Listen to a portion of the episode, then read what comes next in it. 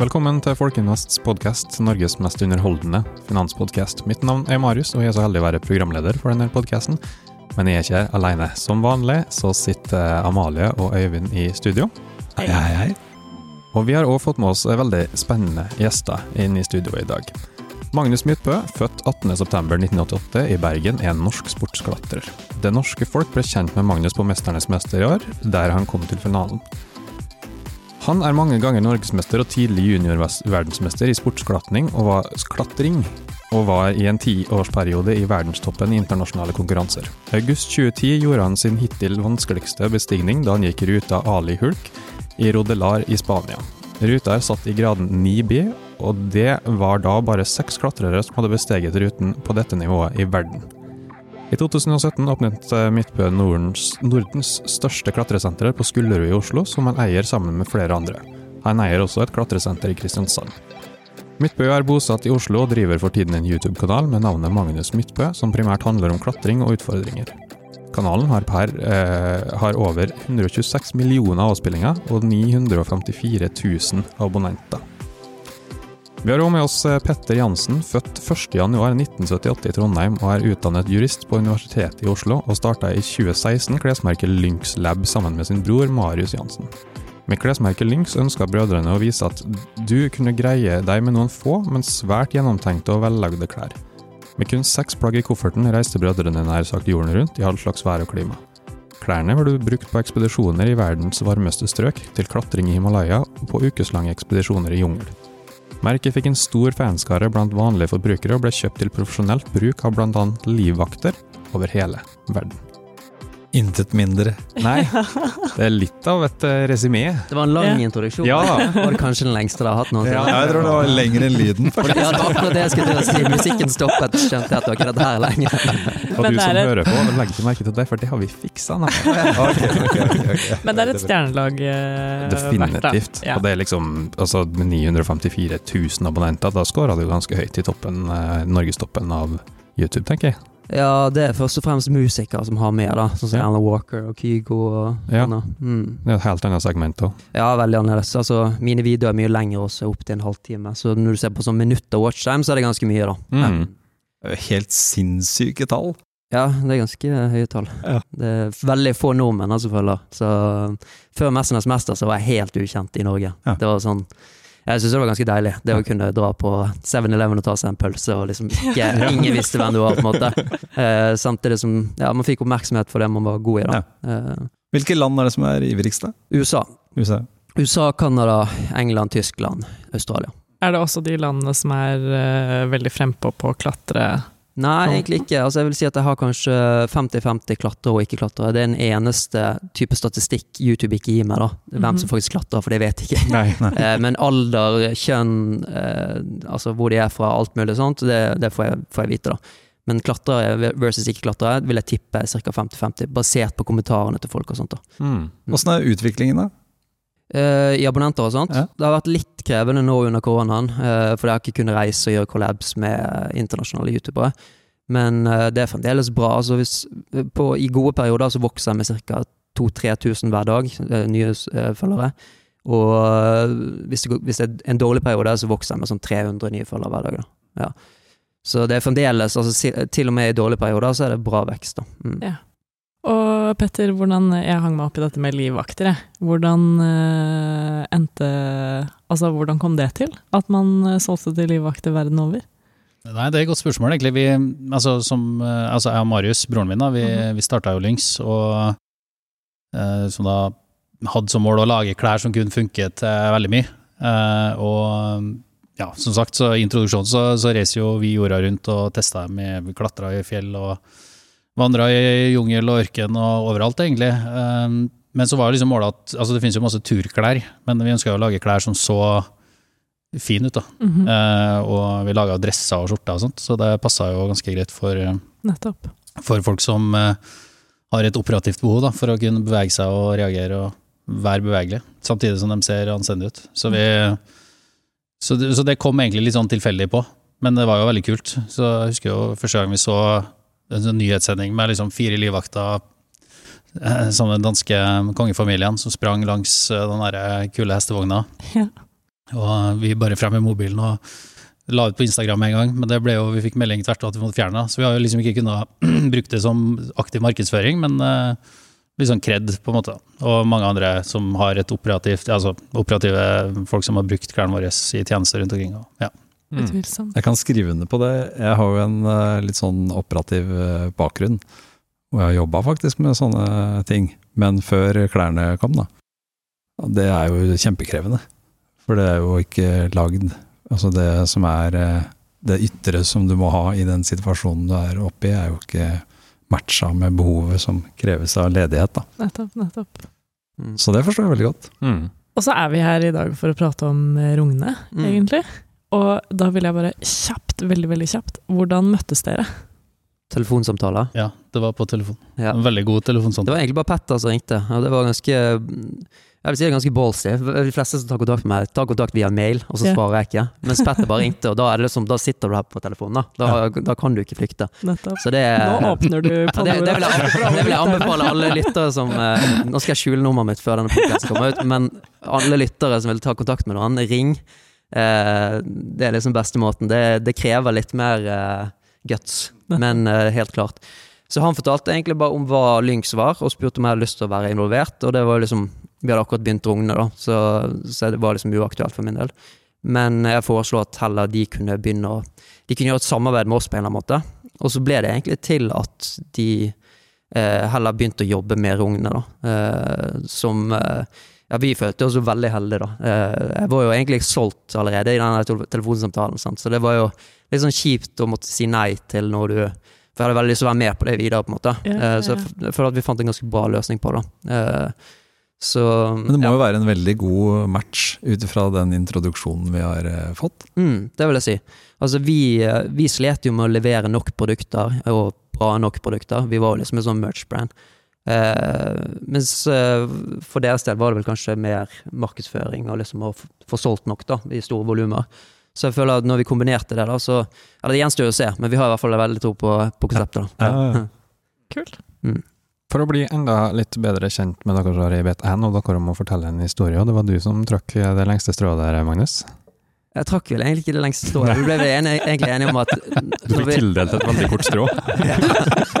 Vi ble vel egentlig enige om at eh, det å fortelle historier, i hvert fall for min del, så synes jeg at da bygger man opp noe. Eh, og så, så jeg er ikke så veldig god til å fortelle historier. Jeg er bedre til å ta det liksom på sparket da, hvis noen spør meg om noe. Ja. Ja, ja, ja. Men det jeg lurer litt på da, i introduksjonen så eh, ble det jo fortalt om, nå med fare for feil uttalelse, en eller annen veldig vanskelig klatrerute i Ali-hulk eller et eller annet sånt. Mm. Er det også den kuleste klatreturen du har hatt? Nei, egentlig ikke. Altså, for da, da lever man som en toppidrettsutøver. Man lever veldig, Det er sånn veldig asketisk liv. da. Ja. Du sover riktig, spiser riktig, spiser litt mindre enn det man Ja, ja, ja. egentlig eh, Alt fokuset er Alt bare fokus er på ruten, liksom, så du, du klarer ikke nyte noe annet. da. Eh, Så egentlig de beste turene jeg har hatt, sånn som kanskje den turen til Jordan, for eksempel, hvor vi egentlig ikke klatret en eneste sånn hard, skikkelig hard rute, Mhm. men bare herjet i ørkenen, liksom. Det, det var kanskje den gøyeste Men turen. hvordan klatrer man i en ørken? Det er kanskje fjellformasjon Ja, det er jeg ser er bare for meg sand. Ja, det er veldig sånn mykt eh, fjell, da. Eh, Men det var en helt syk tur. For at eh, vi ble invitert av Jordan, altså reiselivsnæringen i Jordan. Ja. Og så, så jeg skulle være der en måned i ørkenen, og så fikk jeg ikke bagasjen min. da Og det var etter at jeg tidligere hadde Jeg fikk ikke bagasjen min til USA eh, to uker før, og så ikke til Hellas en uke før. Så det var tre ganger på rad. Så var det noen som sa at det er en eller annen på Gardermoen som eh, ikke liker det. For det er tre ganger på rad. Det er liksom ikke Så hvis han eller hun hører på nå, så vet de hva du tenker om det. Altså Jeg satt liksom i ørkenen uten noe som helst. da Jeg tenkte liksom at den, eh, den bagen den kommer, den kommer. Ja. Men eh, det var kanskje den beste turen. eh. Men der hadde vi jo historien. Ja. Ja, det er jo ikke så mye historie, men det Men jeg lurer veldig på, når man har veldig sånn myk eh, bergart, mm. hvordan sikrer du at du har tak? Tar er jo med kalk og sånt, da. eh, Men det Ja, men hvordan fungerer kalk på en allerede myk Altså hvis, hvis du for eksempel i begynnelsen på, på sånn type fjell, så vil du rulle litt, da. For det vil være mye sånn stein under eh, der du tar. Yeah. Men etter hvert så vil du liksom slipe ned, og så vil det være den gode, det gode fjellet som er under. Okay. Eh, og så bolter man litt annerledes. Sånn som i Norge bolter man med ekspansjonsbolter. Mhm. Man setter det inn, og så når du drar det, da, så er det sånne ringer som går ut. Nesten som en sånn spiker i Ja, men det funker ikke yeah. der, da, pga. at det er så mykt fjell, så da må man bruke limbolter. Eh, Så det er litt annerledes enn eh, enn i Norge. Men det er veldig bra boltet, og vi er liksom ute i Wadi Rum, som det heter. Det er den ørkenen hvor eh, Jeg tror Star Wars har spilt den der. Ja. Og så den Arabia-filmen. Det er sånn helt sykt landskap. Um, ja, så der var vi det, Altså, ja. Nå- Men hvorfor, nå- jeg lurer på en ting som kan være interessant. Hvorfor er klatring den feteste sporten?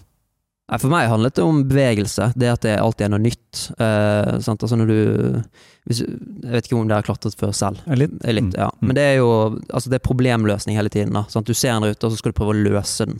Eh, en dårlig skrudd rute det er venstre, høyre, venstre, høyre. Hvis, hvis ruteskrueren skrur det bra, så er det mer komplisert. Så da må du gjøre det sånn som ruteskrueren er tenkt. Så det er sånn problemløsning i tillegg til. Da. Så det er jo altså, Det er klisjé å si det, da, men det er sånn type sport som du Du tenker ikke over at du trener, eh, men det er veldig god trening. da. Mm. Så jeg tror det er derfor det er så populært. Sant? Det har jo vokst i De siste 15 årene har det vært blant de, de, eh, de raskest voksende sportene i Norge.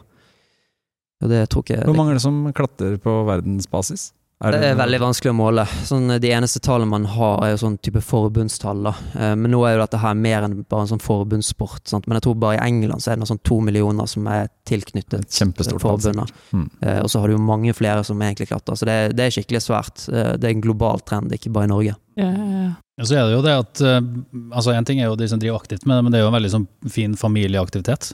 Altså Man som tar med seg barn på Mm. om, ja, på en søndag. og Og sånn har jeg brukt det ganske mye, da. For man kan eh, Det er en eh, idrett som jeg oppfatter lett å bygge på selvtillit hos Ja. andre du har med deg, på en måte. da. Så det, problemløsningen kan være på alle forskjellige nivå. Og da er det veldig lett å kunne på en måte gi. Følelsen av å få til noe. For du kommer så kanskje du ikke får til, men når du går, så har du fått det til. Da. Så Ja. allerede på én dag har du bygd til. Det er noe som føles umulig, kanskje, til og med. Du tenker at dette her er ikke fysisk mulig for meg å komme opp, og så får du et par tips og prøver å gjøre litt ting litt annerledes, og plutselig kommer du opp, da. Så, og I tillegg så er det en veldig fin sport å reise med. da. Eh, hvis du reiser ute, altså hvis du liker å klatre ute, så er det jo nye fjelltyper, nye steder. Og du reiser på en annen måte enn vanlige turister. da. Du, du oppsøker ikke de der turistfellene. Du oppsøker sånne små steder som du ellers aldri ville dratt til. Nettopp. Eh, så det er liksom hele pakken for min del da, som har gjort liksom klatring at, det- at det er så spesielt. Mm. Og sånn blir en historie til.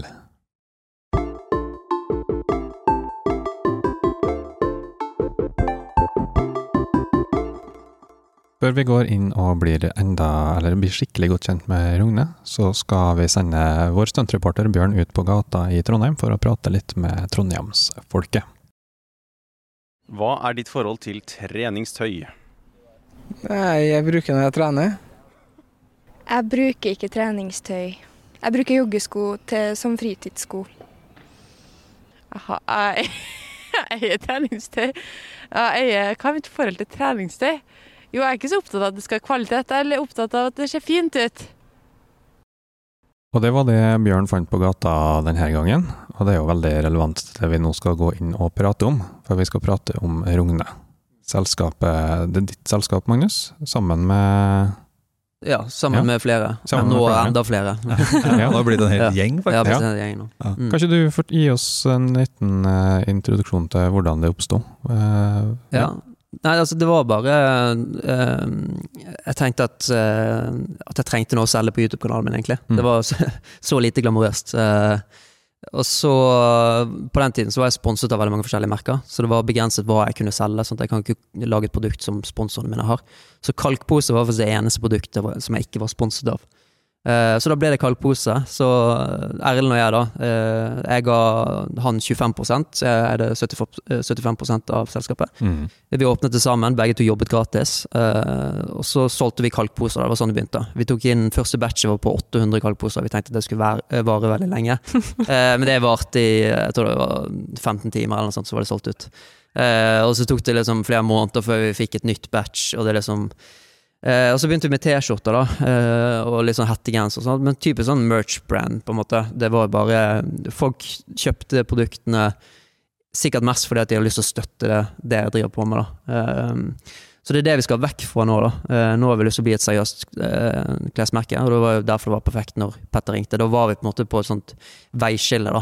Hadde vi lyst til å fortsette med det vi drev på med nå, bare selge ting, eh, ha god fortjeneste på det og liksom ikke noe spesielt utgifter, eller skulle vi satse, virkelig satse? Ja. Uh, og det var det vi Etter, etter liksom Erlend, Det tok vel bare noen timer før vi bestemte oss på at vi må liksom bare satse, Nettopp. prøve. Uh, så da ble vi enige om å, å få inn Petter og Marius, da. Uh, og det var sånn Da trengte vi mer kapital, og det var derfor vi gikk til Folkeinvestor, som, som Petter og Marius allerede hadde kjennskap til. Det ble jo en kjempesuksess, altså i form av at stor etterspørsel, da. Mm, ja. Så snakka jeg litt om det når vi møttes i utgangsdøra her, at det var jo eh, fra vår side opplevd som en, eh, en veldig grei oppgave å sette dere i kontakt med interessenter. Ja, ja, det er fint. Mm. Altså nå er det jo, nå føler jeg i hvert fall jeg at uh, man har litt mer press, altså litt mer kniven på strupen enn før, da. Eh, for Ja. det første så har du eh, altså folk som jobber i firma, som man svarer svare på, så har man nye investorer og sånt. Så fra å være liksom litt sånn laid back og liksom Ja, hvis ikke det kommer inn nye kalkposer på et par måneder, så det er bare oss det går utover, liksom. Uh, Til nå å liksom skulle Og det, det tror jeg bare er bra, da. Det å ha kniven litt på strupen og Det er litt flere forventninger, ja. Litt flere forventninger. Jeg føler det selv. Altså jeg, har et, jeg, føler, jeg føler på presset selv, og det, men det er bare positivt. Ja. Men hva er eh, disse klærne dere lager? Mm. Petter, kan du ikke si noe om liksom, hva er edgen med disse klærne? Du har jo sagt noe innledningsvis, men Nei, altså det, det som er altså vi, vi er jo litt sånn filosofisk på det med klær, og tenker litt uh, Prøver å tenke litt helhetlig, da. Uh, og altså vi, de fleste har jo på seg klær forhåpentligvis hver dag. Og det er jo noe man har et forhold til, men kanskje litt sånn ubevisst forhold til. Så det vi tror er jo at de klærne du har på deg, påvirker deg mye mer enn det du faktisk er klar over. Altså hvis du bare tar på deg treningstøyet ditt, det er veldig unaturlig å sette seg ned og spise burger og potetgull og legge seg og se en film, ikke sant? Men uh, har du på deg en dress, så blir du litt stiv og litt oppreist og beveger deg litt annerledes. Så det vi på en måte oppdaga litt da når vi drev med Lyngs, var at altså, klær er en sånn nøkkel. Hvis, hvis du gjør det på rett måte, så kan det føles litt sånn magisk, nesten.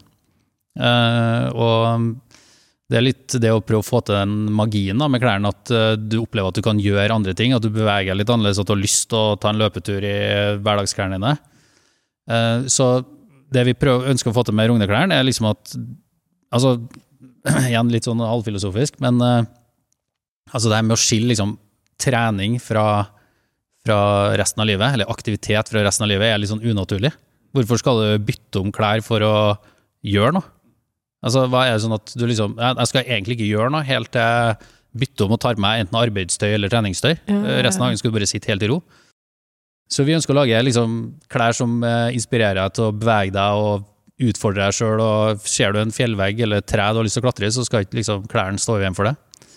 Syns dere har en, eh, en god mark Tidligere, da, i hvert fall Lyngs, det jeg har sett markedsføringsmessig med Ja. Sette folk med dress i fjellet. Men sånn hvorfor sånn, ikke? Ikke sant? Det, Det det, det er litt sånn forklaring. kunstig skille.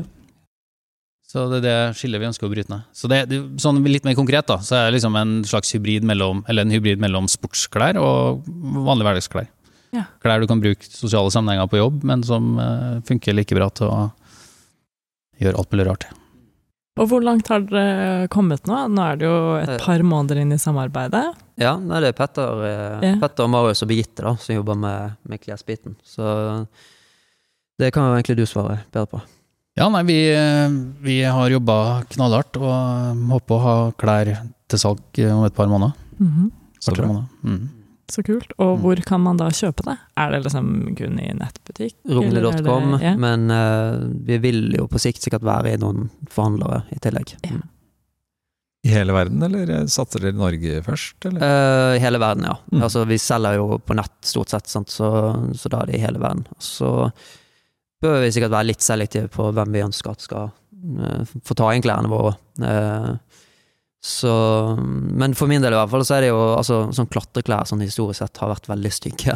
Yeah. Eh, folk ser, klatrere, når- hvis de går i byen, så ser de ofte ut som uteliggere. Yeah, yeah, ja. de har så det er Du sånn kjenner igjen en klatrer, ja, det er sånn begge bukser og så sportsteip på jakken, teiper igjen hullene, og det er liksom Ehm, så, så vi prøver å lage klær som Altså, det skal ikke være klatreklær spesifikt, uh, men også klær som funker bra til klatring. Ja, ja, ja. Eh, og så er det noe med den følelsen du får når du tar på klærne for første gang, som, uh, som mange har beskrevet at, at det var Altså i Lynx, at de fikk en sånn her god følelse når de tok på klærne.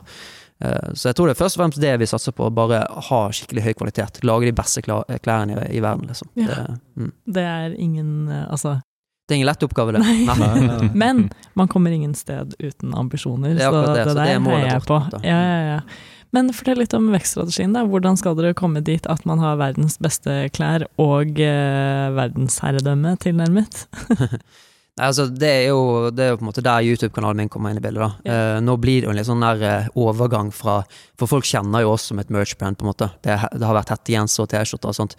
Så nå, eh, nå Altså, prisene blir jo høyere, for dette her er jo seriøse klær som har kostet masse å utvikle. Mm -hmm. Så jeg tror det tar kanskje litt tid før folk blir vant til det, da, å fjerne det der merch-stempelet. Så det er første steget. Eh, Men så har jo altså markedsføringen gjennom kanalen min forhåpentligvis er nok til å kunne, kunne ha et høyt nok volum på klærne. Eh, og så I tillegg så har vi jo Rogne Ballers, da, uh, som er en del av det, det som gjør dette her til et unikt, unikt konsept. Mm -hmm. uh, som jeg vet ikke om vi har tid til å Det har vi definitivt. Jeg gleder meg til å høre mer. ja, okay. ja, nei, altså Det er jo sånne mini-buldersenter. da. Jeg tipper at mange som hører på, har vært på et buldersenter. Eh, og der skrus det. Det er veldig mye arbeidskraft eh, i et buldersenter. Sant? Du har ruteskruer som går rundt og skrur bulder i fargekoder, Mhm. eh, som er de viktigste eh, Omtrent eh, de viktigste på sentrene. da. Altså, jeg vil si at Ruteskruerne på et klatresenter er som kokkene på et kjøkken. Mm -hmm. uh, og det er det som er vanskelig. For eksempel hvis du skal åpne et bullersenter i, i Finnmark et eller annet sted, så finner du ikke gode ruteskruer, for det finnes ikke noen yeah, ruteskruer. Yeah, yeah. Uh, så måten vi har løst det på, er at vi har sånt LED-system. da, Så uh, bullerne de lyses opp istedenfor at de er i fargekoder. Eh, Så i teorien så kan vi skru fra Oslo, så kan vi skru bulleret i indre Finnmark. Og i tillegg, siden dette her er helt selvbetjente, så er det, så er det Altså, vi har mye bedre margin, da. Så vi kan åpne senteret. I tillegg er det lettere å finne lokaler. Før så trengte vi 2000 kvadratmeter med 18 meter takhøyde. Det er veldig vanskelig å finne. Du finner ikke det i, eh, på Wall Street, eller på, i New York eksempel. Mens med disse her, altså dette her mellom 100 kvadratmeter, 200 kvadratmeter med 4 meter takhøyde, det er det vi ser etter. Og det kan man finne, det er sånn type butikklokaler i New York og sånne ting. Så Ja. ambisjonen vår er både å kunne ha, sette opp sånne sentre i sånne, eh, jeg skal ikke si gudsflotte steder, men små steder, ja. og i tillegg i storbyer i sånne lukrative strøk, da. Eh, så, så det Ja, også sier du at det er litt som at du har en pad på sida, og så kan du liksom trykke inn Ja. en vanskelighetsgrad, og så Og så lyser det opp mm, med LED-lamper. Så det, du har lignende systemer før, men ikke vi, våre lamper er tre ganger så sterke som andre lamper, så de kan lyse opp større grep. Så dette har vært forbeholdt sånn treningsboard, som det heter. da. Så det er bølleproblemer som er skrudd med tanke på trening, men vi skal med disse her ekstra sterke lampene, så kan vi skru bølleproblemer som som også er gøye å klatre. da. Yeah. Uh, så det og I begynnelsen tenkte vi at ja, men dette her er kanskje et litt sånn her billig alternativ. da, sant? Altså At det bør være veldig billig. Men nå har vi litt gått vekk fra det og tenker at det skal heller være litt eksklusivt. sant? Dette her skal, skal føle, Alt skal være kvalitet. da, eh, Renholdet skal være bra, og det skal være matvarer. Alt er selvbetjent. Ja. Og i tillegg, da, for å komme tilbake til poenget, så, er det jo, så selger vi klær i disse her, som heter Rogne Bowlers. Ja. Eh, så du kan tenke, Det er jo utrolig bra reklameplakat hvis det her er i New York og alt mulig. altså Rogne Bowlers, du kan komme inn der, du kan prøve klærne, og så kan du kjøpe klærne. Ja. Og så kan du klatre i klærne. Og så kan du klatre i klærne. ja. ja. Alt er. Utrolig bra. Det der kommer jo Det, det gleder jeg meg til å se Ja, hvordan Så det eier vi, altså Rogne, Rogne da, eier 25% av Rogne Bowlers, og så er det resterende 75 er det Kjellmann Friksjon som eier. Det er de som bygger veggene og alt sånt. Og så har vi ikke helt eh, landet på hvordan vi skal sette det opp, men det blir mest sannsynlig som franchisesystem, da, for det er den letteste måten å få opp mange sentre på kort tid. Så altså, vi, ta, vi, vi kommer til å prøve å få opp 50 sentre de neste to årene, da. Eh, og for å få det til, så tror jeg at vi må gå for en sånn franchiseløsning. Ja. Så Og første senter åpner vel i Første senter åpner om bare eh, en uke eh, Ja. i Bergen, og så blir det litt sånn testing og sånt. Eh, og hvis det funker, så er det bare copy-paste til nye steder. Mm. Hente kapital på Folkinvest på hver eh, ja. vet du. Så har Ja. du sikra deg kundegrunnlaget på hver også.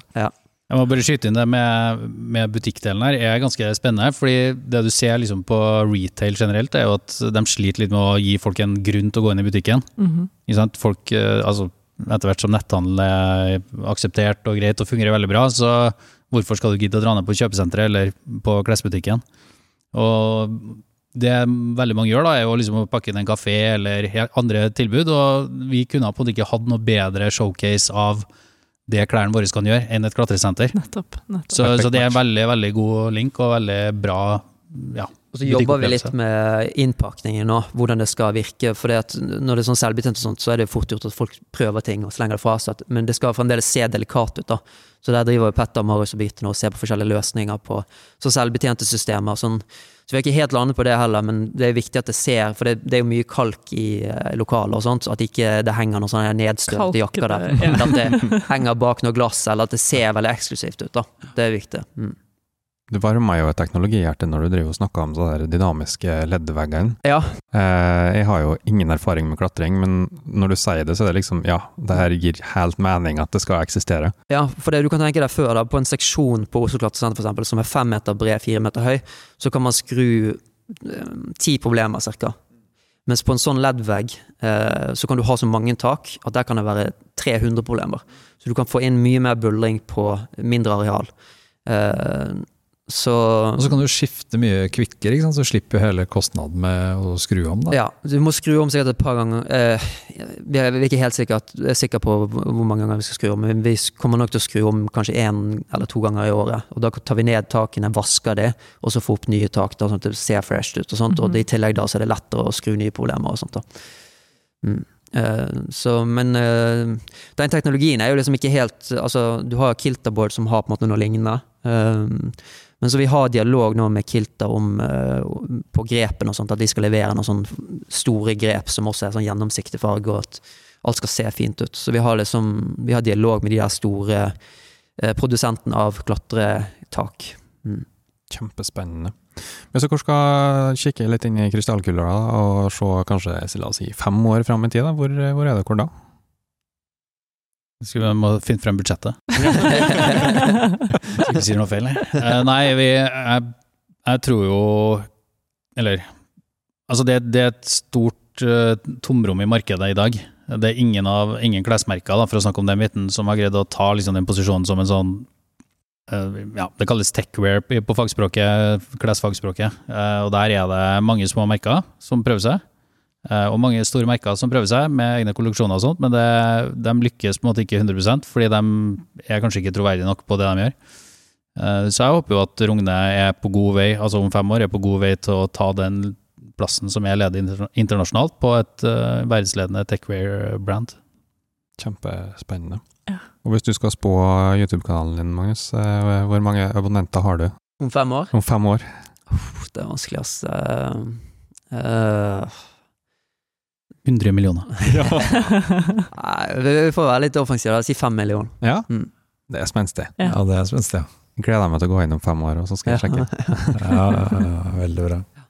Veldig hyggelig å ha dere på besøk. Eh, jeg har nesten blitt litt inspirert til å prøve å komme meg opp i en klatrevegg sjøl, spesielt hvis jeg kan ja. få leddtak å ta tak i. Ja. Kanskje vi skal kjøre en egen eh, podkast-episode i klatreveggen? Ja, ikke sant? Men adressene på disse her eh, klatresentrene, adressene. Ja, husker du det? Ja. Uh, det er Damsgård, det er første prototypesenteret i Bergen. I Bergen. Mm. Ja. Og så får vi Vi har ikke noen flere adresser foreløpig, men det, det, kommer, vi kommer til å legge ut det fortløpende. Mm. Kan man da gå inn på rogne.com? Ja, vi kommer nok til å skille sånn at det er Rogne Apparel og Rogne Bouldering. Da. Yeah. Veldig oversiktlig hvor du kommer inn og hva du mm. ja. Så, så, et Google-søk gjør eh, de fleste sikkert ja. veldig mye klokere. Ja. ja. Nei, men kult. Kjempebra. Eh, tusen takk for at dere hadde muligheten til å komme. Mm. For du som lytter på, hvis du har spørsmål til framtidige episoder, så kan du gå på folkinvest.no slash podkast, eller sende en, spørsmålet ditt til podkasse etter folkinvest.no. På folkinvest.no slash podkast så ser du òg våre kommende episoder og våre foregående episoder, så det er mye snacks å, å ta en titt på. Da gjenstår det egentlig bare å takke for at man hørte på. Abonner gjerne på podkasten i din favorittpodkast-app, så høres vi igjen om en uke. Ha det. Ha det fint, ja.